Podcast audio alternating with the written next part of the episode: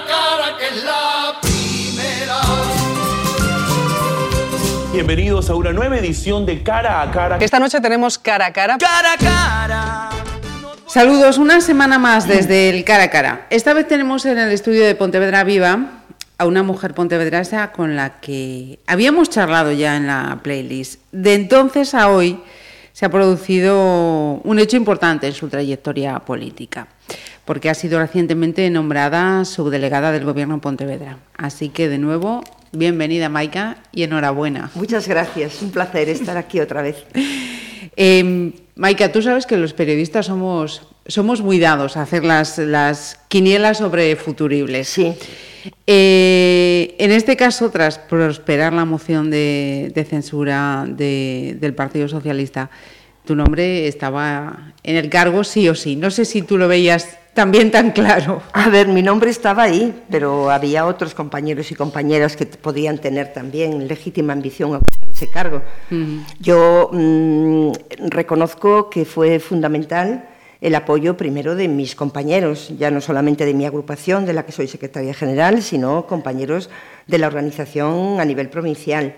Eh, el- el- la confianza del delegado del Gobierno, de Javier Losada, que es un viejo amigo y compañero, y sin duda alguna el, el apoyo incondicional que he tenido por parte del secretario general, de Gonzalo Caballero.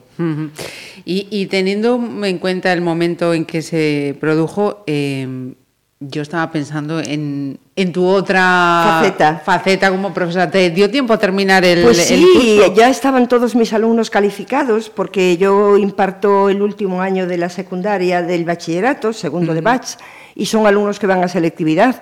Por lo tanto, el curso para esos alumnos termina a mediados, un poco avanzado el mes de mayo. Estaban ya todos calificados, estaba, no, no, no tenía ningún trabajo pendiente efectivo con respecto a los alumnos. Otra cosa es septiembre, que yo ya no voy a poder Eh, Esa era la examinarlos. siguiente pregunta. Yo no sé si Maika va a echar de menos a sus alumnos o Sí, la vorágine. Sin duda. Yo a mis alumnos los echo de menos. mm, la primera semana de vacaciones ya he hecho de menos el ambientillo del aula, siempre.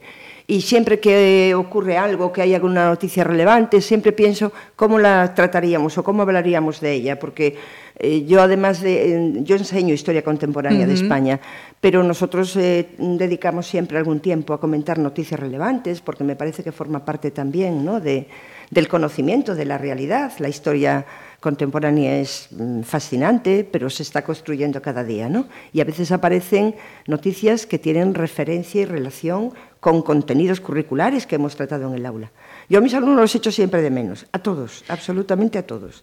Y en septiembre yo no sé si ellos me van a echar de menos a mí o no, a lo mejor Seguro algunos sí. estarán aliviados porque yo no voy a examinarlos y otros quizá no, pero en cualquier caso, yo sé que mm, mis alumnos me aprecian y yo a ellos y que siempre mm, en mi corazón siempre va a haber un rincón muy importante para ellos y yo espero que en los corazones de algunos de ellos y de algunas de ellas también haya un rinconcito para mí. Se- seguro, Maika, porque fíjate, decías, eh, la, la historia se va haciendo cada día, ¿no? Sí. Y en este caso, Maika, eh, Pues esa sí. historia política. Yo no sé si tus alumnos te has tenido ocasión de encontrar con alguno de ellos estos días y te ha dicho, sí, profe, sí, enhorabuena". sí, y me han felicitado en Instagram y en el Facebook Ajá. y, e incluso he invitado a alguno de mis alumnos a mi toma de posesión porque eh, también tengo alumnos, exalumnos que, que militan en, en El el, partido.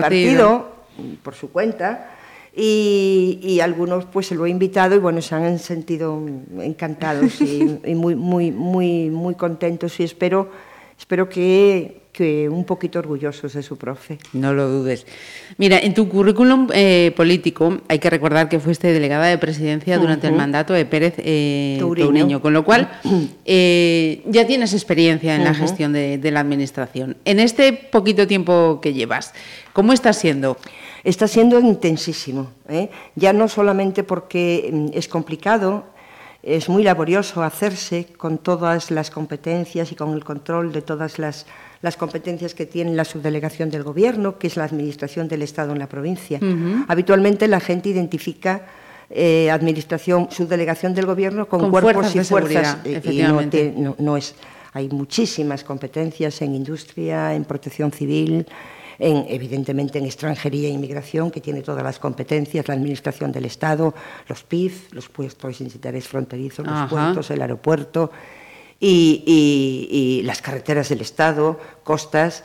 Eh, Quiero decir que las competencias y las responsabilidades de la Son subdelegación son muchísimas. Y además, yo tengo que decir que estoy contando con la colaboración de los funcionarios de la subdelegación, que tienen una altísima cualificación profesional, con la abogacía del Estado, con, con la Guardia Civil, con el Cuerpo Superior de Policía, que han estado desde el primer momento a mi disposición para informarme, para asesorarme y para explicarme pues muchas de las cosas que todavía estoy en fase de, de- de- de conocer, de entender y de, y de- y, bueno, y de, y de controlar. Fíjate, por ahí quería eh, llevar también unos minutos esta, esta entrevista. Hablabas de todas esas competencias que tiene la subdelegación. En este edificio que tenemos aquí en la Plaza de España, ¿cuántas personas trabajan? Más o menos. No te quiero Pues en poner este compromiso momento no te la- lo puedo decir, pero probablemente mm, no, no te lo puedo decir. O sea, pero el número por todas esas áreas que nos estás diciendo eh, es 200, importante. 200 puede ser, no tengo, no- la verdad es que no tengo el dato, no tengo el dato. Es, esos son como cada día aprendes una cosa nueva Sí, sí. y tienes que tener. Claro, pero eso significa que, que igual no son, decimos, va, subdelegación, tres o cuatro personas, no, No, no, de eso no, nada. para Estamos nada, hablando para de una, de una cifra nada. bastante, bastante importante. Mira, y, y antes de, de ir a, a esas áreas un poquito más eh, concretas de, de la gestión que ahora mismo tienes por delante, dadas las circunstancias matemáticas del gobierno de, de Sánchez, ¿Cómo te, te planteas o os han planteado estas responsabilidades? ¿Día a día o se puede mirar a, a medio largo plazo? Hombre, yo mm, estoy trabajando y estamos trabajando en un proyecto político que tiene como objetivo cumplir, si es posible, eh, políticamente eh, la, legislatura. legislatura. Desde luego, el gobierno que ha configurado Pedro Sánchez no es un gobierno para, Para dos días. Para dos días. ¿eh? Y de hecho se están tomando medidas muy importantes de recuperación de los derechos de los ciudadanos, de los colectivos profesionales. Hoy mismo eh, me llegaba una información puntual que a mí especialmente me, me- me satisface, ¿no? que es la recuperación por parte de los docentes de la enseñanza pública de derechos que habían perdido eh, durante el gobierno anterior. Eh, han vuelto de nuevo a recuperar el horario lectivo que, que tenían anteriormente, que se le había incrementado en cinco horas. ¿eh? Han vuelto a, a- a reducir el número de alumnos por aula. Ajá. Han vuelto a eh, considerar que todos aquellos, no solamente docentes, pero en este caso yo hablo de los docentes, que tengan una incapacidad temporal por enfermedad, mantengan íntegros el salario, es decir, a nadie se le puede penalizar porque esté Por enfermo, y no puede ir a trabajar, porque yo he vivido durante todos estos años profesores que iban a trabajar con 39 de fiebre, ¿eh? porque se les reducía el salario en una cantidad considerable. ¿eh?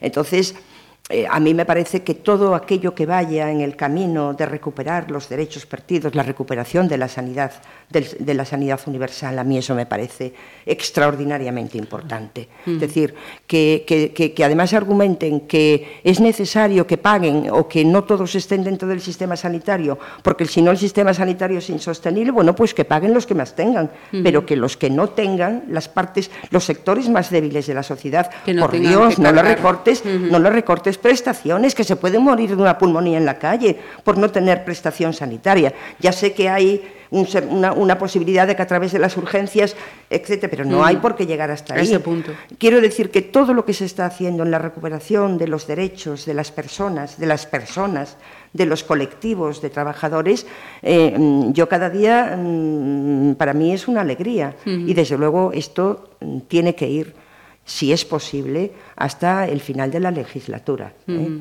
porque hay un trabajo muy importante que hacer.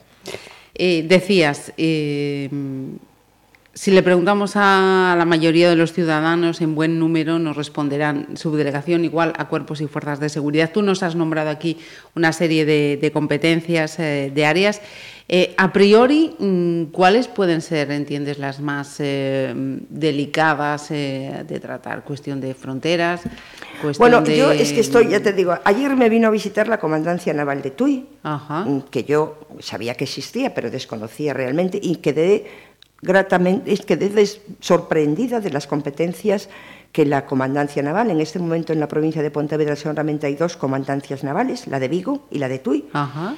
El comandante naval, que es un miembro de la Armada de alta graduación, eh, tiene, mm, quedé sorprendida, que en Tui hay una dotación de la Armada de más de 50 efectivos, Ah, no lo sabía. que están, por eso, que, mm, que actúan y tienen jurisdicción, tienen competencias plenas sobre lo que es la línea del río Miño, la frontera del Miño, compartida con la Armada Portuguesa. Me hablaban de las reuniones periódicas que se realizan entre la Armada Portuguesa y la Armada Española, la Comandancia Naval de Tui y, y la correspondiente de la otra orilla del Miño, y yo me, mm, estuve realmente casi una hora porque mm, mm, quedé sorprendida, es algo que desconocemos. Yo tengo en, en agenda visitar esa Comandancia Naval, incluso recorrer el río para mm, ver, Conocer in situ. conocer cómo, cómo es la frontera, porque el Miño es una frontera natural, Ajá. ¿no? Igual que lo, que lo es el mar, pues los ríos también lo son, ¿no? Y tienen competencias plenas pues, en el control de pesca, normativas de pesca, de caza, eh, construcciones que se puedan realizar en la línea del Piño, coordinan y controlan la intervención de todos los ayuntamientos ribereños del Niño. Quiero decir que eh, eh, eh, hay, hay, mm, hay competencias que no llegan a la ciudadanía, que la ciudadanía desconoce, Sí, que yo misma desconocía y eso que, que llevo en política tiempo y que, y que me estoy haciendo con ellas y que cada día estoy aprendiendo algo nuevo. Áreas más sensibles, pues bueno, yo creo que hay un área que todos tenemos en mente que es la violencia de género, ¿no? Yo cada día estoy recibiendo entre tres y cuatro informes puntuales de la Guardia Civil o del Cuerpo Superior de Policía de eh, actuaciones por violencia de género. Y eso es muy importante. Es muy importante por una razón, porque las mujeres han perdido el miedo a denunciar, y eso es clave. Nosotros no podemos meternos en la cabeza de los maltratadores y hacerles un lavado de cerebro. Nosotros, mm, desde la Administración, tenemos la obligación y la responsabilidad de eh, prevenir, de educar, de, de- pero, pero eso está llevando a que las mujeres hayan perdido el miedo a denunciar. Y a mí eso me parece fundamental. ¿eh? Me parece fundamental. Yo he dirigido recientemente a todos los alcaldes de la provincia de Pontevedra una carta solicitándoles que en todas las concentraciones, eventos, fiestas, que hay muchas durante el verano, instalen, monten los puntos morados. Los puntos morados son unos mm, lugares, unos centros que están atendidos por, por voluntarios y por voluntarias, la mayoría son voluntarias. Ah, Yo sé que hay quien opina que mejor es que sean mujeres porque la mujer tiene más facilidad a la hora de tener un problema de comunicarse con una mujer, pero sin embargo también yo creo que debe haber hombres, Hombre. porque hay hombres voluntarios. Y creo que es bueno que se visibilice que en esta lucha no estamos solo las mujeres, también están los hombres. Entonces esos puntos morados van a estar atendidos por voluntarios y por voluntarias que van a recibir una información previa de cómo tienen que actuar, que van a estar, mm, además, van a ten- contar con el apoyo de los técnicos municipales e incluso de la propia Junta de Galicia y que van a estar coordinados a través de las juntas locales de seguridad con los cuerpos y fuerzas de seguridad del Estado. Se trata de que aquellas personas, mujeres que hayan sido o que estén siendo, digamos Objeto que de algún objeto tipo de algún tipo de problema, que no tiene por qué ser un maltrato físico ni un abuso sexual, ¿eh? que puede también ser pues verbal, Un acoso. efectivamente, ¿no? O personas que lo hayan, que, que sean testigos, que puedan acudir a esos centros y en esos centros se les pondrá inmediatamente en contacto con aquellos cuerpos y fuerzas de seguridad del Estado para que valoren realmente El caso. eh, el caso, ¿no? Va a haber mujeres y hombres con brazaletes morados que van a estar recorriendo pues, los lugares en los que se realiza la fiesta para que se les vea y para que sepan que ellos están allí. A mí esto me parece muy importante. El Concello de Cambados lo ha puesto en marcha y mañana empieza la fiesta del Albariño. Del Albariño, y ahí van a estar. Y ahí van a estar. Ajá. Y tengo que felicitar también al alcalde de Villagarcía, Alberto Varela, que ya ha hecho público que en la fiesta del agua de Villagarcía se va a instalar también un punto morado Ajá. que trataremos en la próxima mm, Junta Local de Seguridad. Esto que acabáis de escuchar eh, demuestra una máxima que mm, también os quería poner de manifiesto, y es que Maika es una mujer muy comprometida con la causa femenina Mucho. y con las causas eh, sociales. Yo en ese punto eh, quería preguntarte por, por dos casos. ¿no? Uno de ellos, que no es, mm, digamos, nuestro directamente, pero sí guarda relación con una máxima que, que el gobierno de Sánchez ya había tenido un pronunciamiento, el caso de, de Juana Rivas. Ahora mismo tenemos una sentencia que no es firme, pero hay una iniciativa para que mm, eh, sea absuelta, que no sea condenada. Desde el punto de vista de, de Maika, eh, a ver, ¿qué se puede hacer? Yo no voy, a, yo evidente ni puedo ni debo no cuestionar una sentencia judicial. Yo he sido solidaria con Juana Rivas desde el primer momento y, y Juana Rivas despertó una marea de solidaridad enorme dentro del país, ¿no? No solamente por parte de mujeres, ¿no? Repito, por cualquier mm, ciudadano o ciudadana que, que, que, tuviera un mínimo de sensibilidad. Yo soy mujer, además, y yo tengo hijos, soy madre, y yo entiendo perfectamente eh, eh, la reacción de Juana Rivas. Yo lo que no sé si estuvo bien asesorada, uh -huh. ¿eh? porque yo no he leído la sentencia todavía, pero me parece que es bastante dura y, y, y, y, ¿qué quieres que te diga? Que me, me parece que, que, ha sido pues, la desesperación de una madre, uh -huh. que seguramente no habrá sido conforme a la ley y que a lo mejor cometió errores que han llevado a esta, pero mmm, yo creo que hay que ser muy comprensible con la actuación de esta mujer, uh -huh. con su situación personal y que ojalá que esa sentencia, ojalá que esa sentencia sea lo menos lesible posible para esta uh -huh. mujer. Que repito, no sé si está, habrá estado bien asesorada. Uh -huh. Yo creo que a veces confundimos feminismo, feminismo con embrismo. Y yo soy feminista. Uh -huh. ¿eh? Mira, Maika, y otro caso sí que tenemos eh, directamente sobre la mesa. Este agosto serán ocho años de la desaparición de Sonia. Serás la cuarta responsable de la pues subdelegación sí. que tenga esa cuestión sobre la mesa. Supongo que todavía no has tenido tiempo para abordar directamente. No, no he tenido tiempo ni tampoco he recibido todavía mmm, una petición de la familia de Sonia para entrevistarse conmigo. Desde luego, si la recibo, tendrán las puertas abiertas de la subdelegación. Y yo además conocí a Sonia. ¿Mm? Yo conocí a ¿Ah? Sonia. Sonia era bueno, la encargada de una tienda de Pontevedra, que uh -huh. todos conocemos, y yo he tenido muchísimo trato con Sonia, mucho uh -huh. con Sonia. Y, y, desde el primer momento he sentido profundamente la desaparición de Sonia. Y ya digo, no he recibido ninguna petición por parte de su familia de entrevistarse conmigo, pero ya anticipo que tienen las puertas abiertas de la subdelegación cuando quieran y como quieran, y uh -huh. no puedo decir nada más. Otra, otra cuestión con la que también vas a tener que, que lidiar. Eh, estamos en una provincia, la, la, de Pontevedra, que pasa por ser una de las provincias con mayor número de, de movilizaciones y protestas que, que se convocan.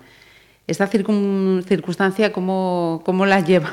Pues con preocupación, pero yo es que creo, no creo que el hecho de que haya más movilizaciones que en otras provincias sea algo negativo. Uh -huh. A mí me parece que no lo es. Es decir, los ciudadanos tienen derecho a reclamar eh, en, la, calle, si quieren, eh, a, a, presentar aquellas reivindicaciones que consideren que son, que son, que son de ley. Por lo tanto, eh, lo que sí es cierto es que las movilizaciones que hay en la calle pues no han generado conflictos, eso es así. ¿Eh? Eso es así. Yo con, recibo continuamente cada día pues, eh, eh, peticiones de concentraciones, de manifestaciones que yo tengo que autorizar y no he rechazado ninguna hasta ahora. Uh -huh. No he rechazado ninguna. Insisto, el hecho de que haya más movilizaciones, más reivindicaciones, significa que hay realmente una problemática que hay que atender. Yo quiero que la voz de los ciudadanos entre en la subdelegación y que esa voz sea remitida a las instancias superiores eh, concretamente a la delegación del Gobierno y la delegación del Gobierno a instancias pues, del Gobierno central. Uh -huh. No hay problemas, no hay conflictos, todas las peticiones se atienden y, y bueno, y, y, ojalá que, que, que consigan uh -huh. sus objetivos. Una de ellas, eh, con las que ha tenido que, que, gestionar o administrar estos días, es la de Jus Jusapol, los eh, trabajadores eh, de cuerpos y fuerzas de seguridad, seguridad que siguen reclamando sí, esa una, una equiparación salarial. salarial. A mí me parece que es justa esa reivindicación. Lo que pasa que es que evidentemente no se van a poder resolver eh, inmediatamente todos los asuntos que están pendientes y uh -huh. que nosotros hemos heredado y que intentaremos dar solución respetando los compromisos que desde la oposición nosotros tuvimos con estos colectivos. Sí.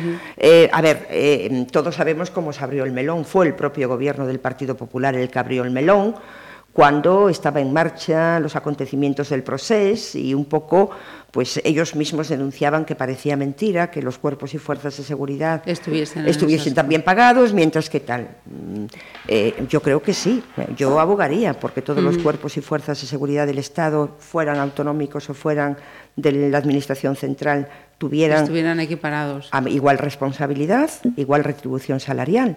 Pero claro, mm, es- eso no es un asunto que se pueda resolver inmediatamente. Claro. Habrá que escuchar y a ver, habrá que negociar. Y con unos presupuestos cerrados. Y con unos aún. presupuestos cerrados, y bueno, eso ya es una competencia que es del Gobierno central. ¿no? Simplemente yo manifestar cuál es mi, mi visión del mi punto de vista. Eh, esto eh, que nos decías eh, también antes de quiero que la voz de los ciudadanos entre la subdelegación del gobierno, significa que, que Maica eh, tiene esa disponibilidad, además de, mm, de carácter innato, diría yo, de recibir todo aquel colectivo particular Por supuesto. que se remita a esta Por instancia. supuesto, que tenga alguna reivindicación, alguna propuesta, eh, yo intentaré en el mayor, mm, en el más breve plazo Tiempo, de tiempo claro. posible, recibirlos. Y otra cosa es después la solución o la respuesta que se pueda dar, pero Ajá. escucharlos, por supuesto. Yo quiero que la subdelegación esté abierta a, las- a los ciudadanos, a todos los ciudadanos, para que planteen las, las- las quejas, los conflictos, los problemas que puedan tener, ver si realmente son de nuestra competencia y son justas y legítimas y merecen una solución. Eh, y, y- y, bueno, y, y por otro lado, transparencia. Transparencia. Yo quiero informar, yo quiero ser transparente, yo no, cre- no quiero, excepto información evidentemente muy Sí, sensible, sensible y reservada, que tiene que reservada, así, que eso es mi responsabilidad además mantenerla en esos niveles. Pero yo quiero informar con transparencia de todo aquello que pueda informar a la ciudadanía, ¿eh? sin guardarme. Y en eso vosotros los medios de comunicación Sí, tenéis me un papel que muy hasta el día importante. de hoy está siendo así, además. Sí, Eh, sí, tenéis un papel muy importante. Yo ya sabes que soy hija y hermana de periodista y conozco perfectamente la importancia, la importancia que tiene vuestra, vuestra, vuestra profesión de cara a la sociedad. Un eslabón más también Pero en todo fundamental. el proceso, Maika. Fundamental. Es decir, vosotros sois, un poco, sois la caja de resonancia que va a hacer llegar a la ciudadanía pues, la voz de las administraciones. Y yo en ese sentido quiero trabajar y quiero estar en contacto permanente con vosotros. Mira, y has llegado también en el momento eh, más álgido del, del turismo aquí Sí, en esta zona, sí. que también repercute en tu, en tu gestión. Supongo que, que todos estos eh, dispositivos, planes, ya te llegaron eh, de alguna manera ya Sí. cerrados, ¿no? Sí, pero puntualmente se van Modificando. modificando en función de cómo se esté desarrollando.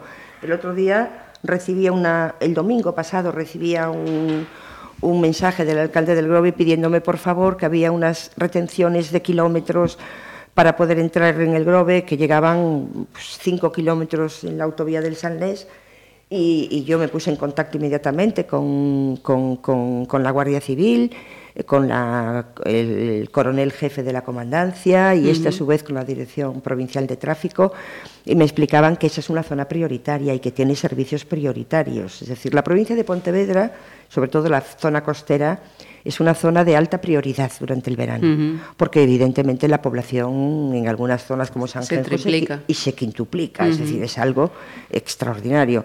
Entonces es una zona prioritaria y para el tráfico también. Y ellos me informaban que tenían un servicio prioritario montado en la zona, pero que reforzarían con una nueva patrulla para intentar aligerar un poco. En eso a pesar de que hay unos planes que están perfectamente estudiados y, y que a mí se me comunican desde los organismos responsables, siempre en momentos puntuales se pueden instar para que en la medida de lo posible se, se, Se mejore. A ver, también tenemos que pensar que es vacacion- son vacaciones para todos, incluso para los cuerpos y fuerzas de seguridad del Estado, que me consta que tienen muy restringidas las vacaciones en verano. En esta etapa, sí. Precisamente por esto, ¿no? Entonces, toda nuestra disponibilidad y mm, los concellos que sepan que tienen toda nuestra colaboración, pero que hay una parte importante de ese trabajo que, que compete a los concellos. Eh, llamada de atención, además, hecha también. Eh, Maika, me imagino entonces que este, este verano, va- vacaciones, hablabas de cuerpos y fuerzas, no, este verano No. va a tocar eh, trabajar y, y va a haber alguien que eche, eche en falta un poquito, un poquito ver, más de... sí. De Sí. presencia de la abuela, ¿no? Sí, sí, porque estoy a punto de recibir a mis hijos que viven en Barcelona y a mi nieto. Y, y bueno, probablemente no le pueda dedicar todo el tiempo que a mí me gustaría, pero me multiplicaré, me, me duplicaré, me triplicaré, intentaré sacar horas de donde, de donde no las haya, porque realmente yo este mes de agosto no puedo tener vacaciones, a pesar de que dicen que la administración está prácticamente parada en agosto pues bueno, estará prácticamente parada. Pero los problemas puntuales en esta zona en agosto son Muy muy, intensos. muy intensos. Y bueno, insisto, cuento con la colaboración de un cuerpo como el de la Guardia Civil y el Cuerpo Superior de Policía, que son impagables. Por cierto, eh, estábamos hablando de otras fiestas. Estamos a puertas de, de empezar eh, las de la patrona de la provincia, Sí, de la de la peregrina. peregrina también. ¿Cómo vive, por cierto? Tengo esa curiosidad, Mike, en las fiestas de la peregrina. Yo no soy demasiado fiestera, pongámonos, ¿eh? Me gustan las tradiciones, me encanta el ambiente de la calle, pero también soy bastante reacia a las aglomeraciones. Lo Ajá. he sido siempre, ¿eh? Es una cosa que ya de niña mi padre decía que cuando em, había mucha gente que yo me ponía muy nerviosa y que, que no tenía el tirón que tenían mis otros hermanos, ¿no? Pues los caballitos me ponían nerviosa porque después le perdí, eh, ¿no? Pero que a mí las aglomeraciones y tal, No es lo que más te atrae. pero bueno, las fiestas son Ajá. actos lúdicos para los ciudadanos y tenemos que garantizar la seguridad de los ciudadanos. ¿no? Y en ese sentido, pues bueno, yo tendré que tener más presencia seguramente en estas fiestas de la peregrina y intentaré hacerlo lo mejor posible, lo mejor que sepa y lo mejor posible. No me cabe ninguna duda, Maika, desearte muchísima suerte y darte muchísimas gracias eh, por ese interés y esa del- delicadeza que vienes mostrando desde el primer día con, con esta, con esta profesión y en el caso de, de esta casa, pues por hacernos un huequito para Y a, con nosotros. y a vosotros también en especial. Muchas gracias.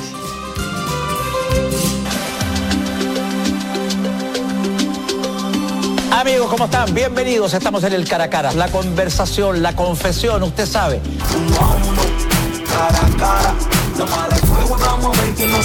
Ok, te explico. Cara a cara. Pontevedra Viva Radio.